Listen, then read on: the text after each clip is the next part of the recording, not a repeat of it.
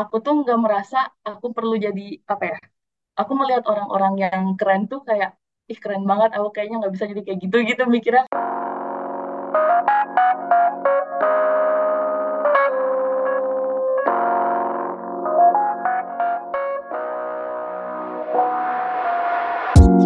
Halo Sobat Tipers, selamat datang di podcast Tiper Kuliahan, tepatnya mahasiswa berprestasi, berbagi cerita dan inspirasi. Sobat Tiper pernah gak sih pas kuliah ngerasa kayak, aduh aku jadi kayak mahasiswa yang biasa-biasa aja gitu, belum punya achievement apa-apa, belum punya pencapaian apa-apa. Nah, kira-kira gimana sih gitu cara menjadi mahasiswa yang top performer dan gimana caranya buat membangkitkan potensi yang ada dalam diri kita? Nah, di podcast kali ini kita bakalan ngobrol bareng Rania Alipa Desanaldo, mahasiswa berprestasi utama Universitas Pajajaran, yang juga merupakan peraih penghargaan Satya Karya di Siswa Pajajaran. Bersama aku Didi Permana, inilah dia podcast di perkuliahan episode ketiga Rise Above the Crowd, How to be a Top Performer Student. Halo Rania, selamat datang di podcast di perkuliahan. Ini thank you banget ya buat Rania udah mau datang di podcast. Ini episode ketiga ya by the way. ah oke okay. Ya, gimana nih kabarnya Ran? baik alhamdulillah diri gimana Alhamdulillah baik, alhamdulillah baik juga. Ini kalau boleh tahu kesibukannya lagi apa nih sekarang? Udah angkatan akhir berarti ya, eh, tingkat akhir. iya sama sama kayak Didi ya berarti Iya, iya. Ya, kayaknya kalau kesibukan udah ketahuan lah ya kalau angkatan akhir pasti TA skripsi Ah. gitu ya Hmm. lagi menuju apa tiga per tiga dua per tiga Oh. ya Iya, iya, iya. iya. ya itu sih Sekarang- kalau utamanya itu Hmm. Progresnya udah berapa per tiga nih? Doain aja menuju dua per tiga ya oh, bentar. amin, amin, amin, amin ya. Oh. Semoga lah ya, sun, sun, sun. Oke, nah ini eh, aku udah lihat sedikit lah ya profil kamu dari dari CV terus dari berita-berita Unpad juga soalnya kan lumayan famous ya. Ya, namanya juga mahasiswa berprestasi satu Unpad gitu ya, mahasiswa berpre- berprestasi utama gitu. Nah kemarin aku lihat kamu ada ini ya, kayak apa sih itu jagawana pajajaran gitu. Itu apa sih Hmm. gitu? Itu tuh kayak project kah atau startup kah atau apa gitu? Oh, oke oke. Ya, eh, Jagawana Pajajaran itu sebetulnya mm, salah satu project tapi itu merupakan output dari MBKM. Jadi Hmm. kalau di Geofis itu ada MBKM khusus yang disediakan sama dosen, kita bisa ambil MBKM-nya tapi itu cuma di lingkup Geofis doang. Hmm. Dari MBKM itu kebetulan topiknya adalah kita kerjasama nih sama Direktorat Sarpras Unpad buat memonitoring kondisi Unpad, utamanya kondisi bangunan dan juga dan juga rasio vegetasinya gitu. Jadi kita mau melihat nih kira-kira berapa banyak berapa besar sih rasio bangunan dan juga rasio vegetasi di Unpad dan apakah itu sudah memenuhi AMDAL atau enggak. Jadi kan sudah ada aturannya ya Hmm. eh, setiap bangunan itu setiap perusahaan itu kalau mau membuat eh, bangunan itu harus berapa persen dan untuk vegetasi harus, ber- harus berapa persen jadi nggak boleh semuanya itu bangunan gitu nah di sini eh, project ini kita itu eh, memonitoring itulah gitu menggunakan remote sensing atau penginderaan jauh jadi kita melihatnya menggunakan satelit dari data data di atas permukaan bumi gitu. jadi direkam oleh satelit terus kita olah datanya dan kita bisa menghitung rasionya kira-kira bangunannya berapa persen di Unpad dan vegetasinya berapa persen. Dan itu mencakup semua lingkup Unpad sih dari kampus Jatinangor, kampus Bandung, kampus Garut, kampus Pangandaran gitu. Dan Arjasari sama Ciparai ya. Enam daerah itu. Gitu eh, proyeknya. Outputnya sih aplikasi.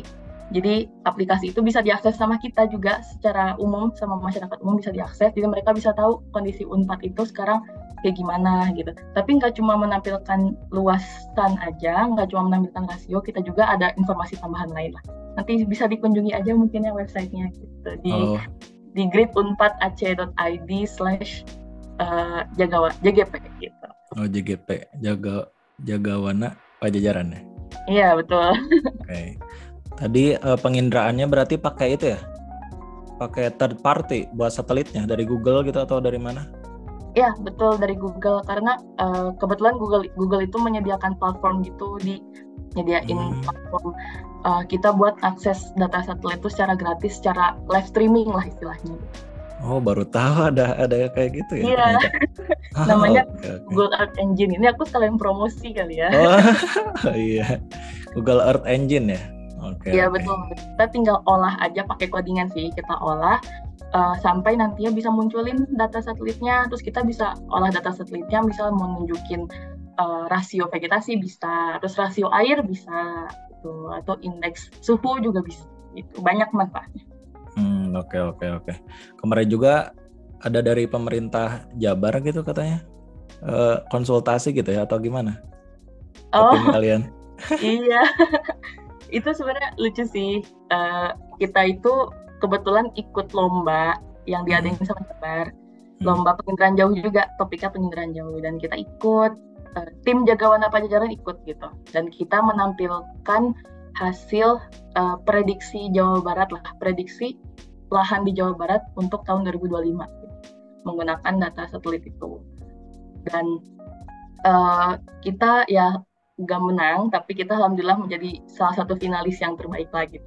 Dan kemudian uh, kemudian diundang oleh Jabar. Mereka itu apa ya jadi dari juara 1 sampai 3 ini diundang uh, buat nampilin hasilnya di depan jajaran dinas-dinas di Jabar lah gitu. Dan kita juga bingung kenapa tiba-tiba kan udah ada juara satu dua tiga tapi kenapa kita juga diundang gitu. Nah, jadi kita tapi ya alhamdulillah harus nambah pengalaman baru juga gitu jadi ya itu kita nampilin aja sih hasil yang lomba kemarin, hasil prediksi kita dan nanti ditanggepin sama dinas-dinasnya. Kira-kira itu bermanfaat untuk Jabar di segi mana? Gitu-gitu sih. Hmm, oke okay, oke okay, oke. Okay. Berarti emang uh, project kamu dan juga teman-teman itu udah berimpact lah ya, udah kayak ya bisa digunain di pemerintahan juga gitu ya buat Alhamdulillah. Ya, membantu. Itu. Oke okay, oke. Okay. Nah ini aku penasaran nih, kamu kan mahasiswa berprestasi utama di Unpad gitu ya, uh, juara satu gitu. Nah itu boleh diceritain nggak uh, journey-nya kayak gimana gitu dari ya mungkin kalau orang-orang kan biasanya journey-nya tuh panjang tuh bahkan dari SD juga udah kayak langganan ranking gitu sampai sekarang tuh ya hasil dari journey yang panjang itu gitu. Kalau kamu kayak gimana tuh? Oke, okay. um, mungkin kalau uh, kita lihat dari SD gitu ya masalah ranking. Nah lucunya itu SD aku nggak ada ranking. Oh. oh. Iya lucu kan, aneh Swa kan? Swasta ya? Iya aku masuknya swasta. Hmm. Uh, jadi SD, SMP, SMA aku nggak ada ranking. Wah. Jadi memang tujuan sekolahnya itu katanya ya tujuannya itu uh, ya biar kita mengembangkan sisi kita yang memang uh, dominan lah gitu. Jadi nggak hmm. selalu dari akademik gitu. Hmm. hmm, hmm, hmm. Jadi memang nggak pernah terukur juga kira-kira kayak ranking aku berapa gitu nggak ada. Cuman hmm. guru-guru sih alhamdulillah baik juga terus positif selalu positif juga gitu. Dan alhamdulillah selalu bisa mengimbangi lah kalau misalnya kita dituntut aktif di, di osis gitu sama dituntut aktif juga di akademik ya bisa mengimbangi gitu. Itu sih indikatornya mungkin dari situ. Nah uh, mulai di kuliah itu baru apa ya mikirnya kan pasti ketika kita masuk kuliah ya kita nggak kepikiran bakal seindependen ini lah. Kalau aku dulu gitu hmm. mikirnya karena kan di SMA kayak kita masih diatur guru banget. Tapi pas di kuliah oh uh, ini benar-benar mandiri ya kita kita harus nentuin keputusan sendiri. Kita ikut yang semacam osisnya di kuliah pun ya kita nggak diatur guru itu gimana kita aja gitu kan. Gimana kita hmm. apakah kita mau ikut kegiatannya mau mau bolos kuliah gitu kan itu gimana kita. Nah jadi di situ uh, ya lumayan apa ya bikin meningkatkan uh, self development aku lah gitu. Di situ itu salah satunya nah terus semakin semakin ikut kuliah juga sebetulnya aku tuh nggak merasa aku perlu jadi apa ya aku melihat orang-orang yang keren tuh kayak ih keren banget aku kayaknya nggak bisa jadi kayak gitu gitu. Mikirnya kayak oh. kayak kejauhan nih gitu kan. Apalagi ah. kan ya zaman zaman maba lah belum kebayang kan.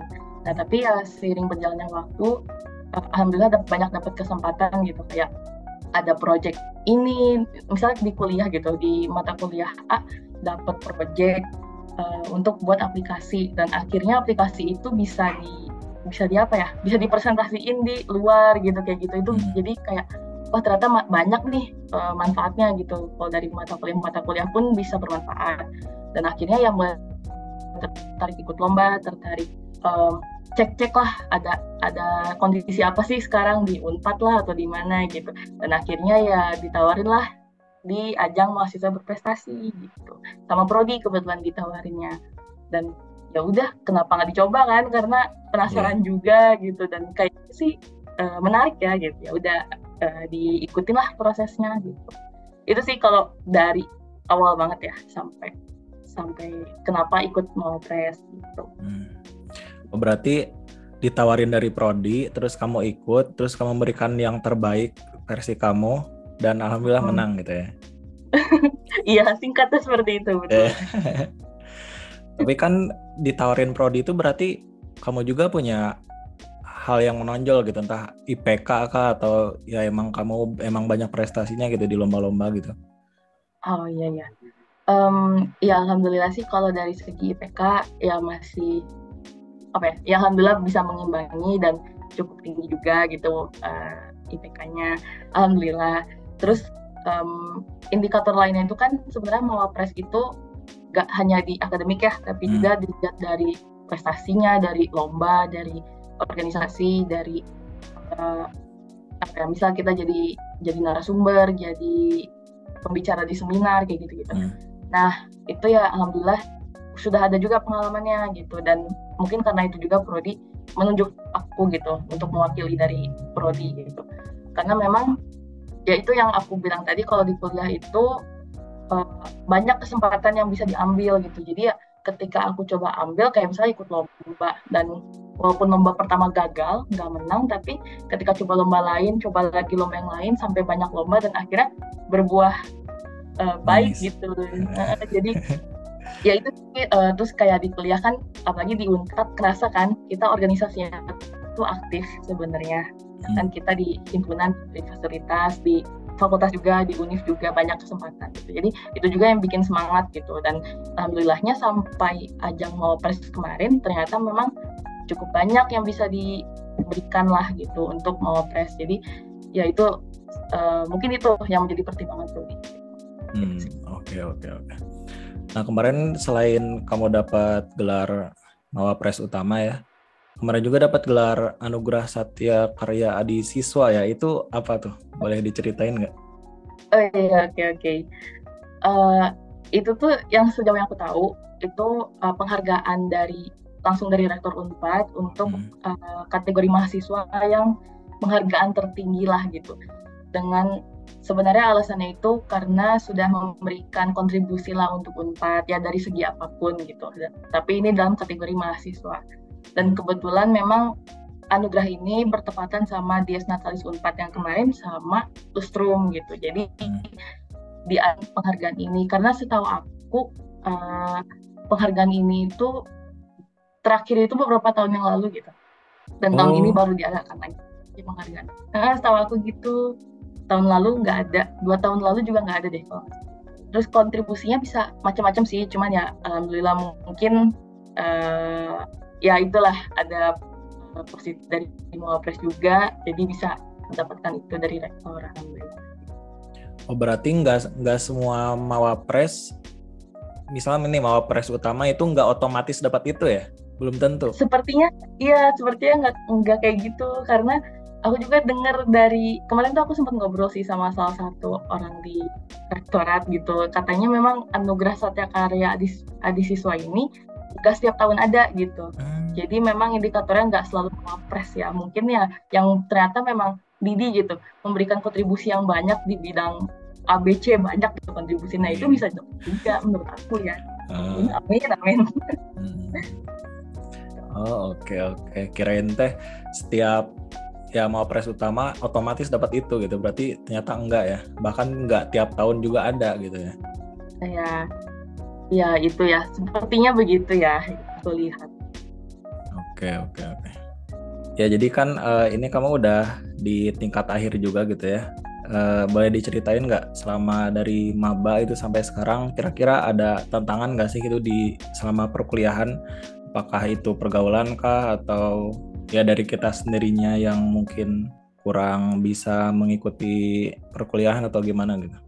Iya, yang paling aku rasain ketika kuliah itu ya pasti kalau dibandingin sama SMA, ketika ini ya uh, kemandirian kita lah gitu. Karena hmm. di SMA kan ketika kita punya kegiatan di weekday dan itu diatur sama guru juga dan akhirnya uh, pelajaran-pelajaran di weekday itu mereka mereka sengaja kosongkan biar kita bisa punya acara. Itu yang aku rasain waktu itu. Cuman kalau ya udah kita punya acara organisasi di weekday.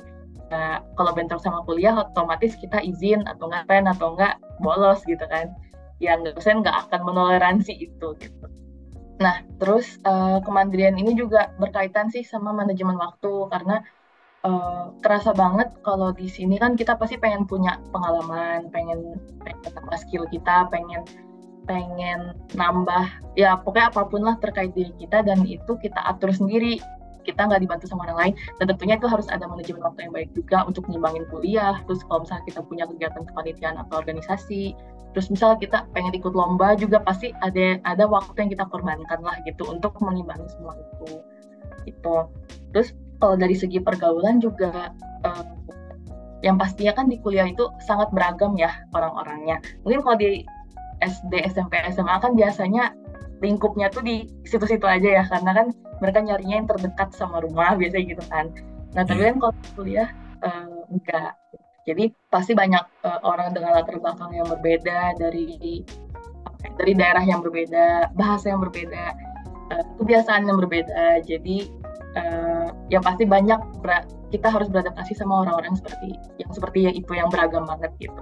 Dan pasti ada yang cocok ada yang enggak itu wajar. Dan itu juga menjadi tantangan apa bagaimana kita menyikapi orang-orang yang cocok dan orang-orang yang nggak cocok sama kita gitu. Itu juga menambah apa ya mungkin bisa menjadi buruk bisa menjadi baik juga. Mungkin ada yang membawa hal pengaruh positif ke kita ada yang pengaruh negatif nah itu sih kalau misalnya kita terlalu bawa ke ke negatif bisa berpengaruh juga ke performa kita di kuliah gitu. Takutnya kita malah turunkan malah kuliahnya uh, turun performanya terus kita juga hilang-hilangan di organisasi ya takutnya gitu. Hmm. ya kan itu ada sisi negatifnya gitu ya. Tapi ya kalau kita bisa ambil sisi positifnya pun ya itu bagus banget. Itu sih mungkin yang paling kerasa selama di perkuliahan gitu dari manajemen waktu itu paling penting banget sama uh, ya pergaulan gitu ya mungkin kita pinter-pinter aja ya cari teman yang cocok sama kita biar bisa membawa kita ke hal yang kita inginkan juga yang sevisi lah gitu. thank you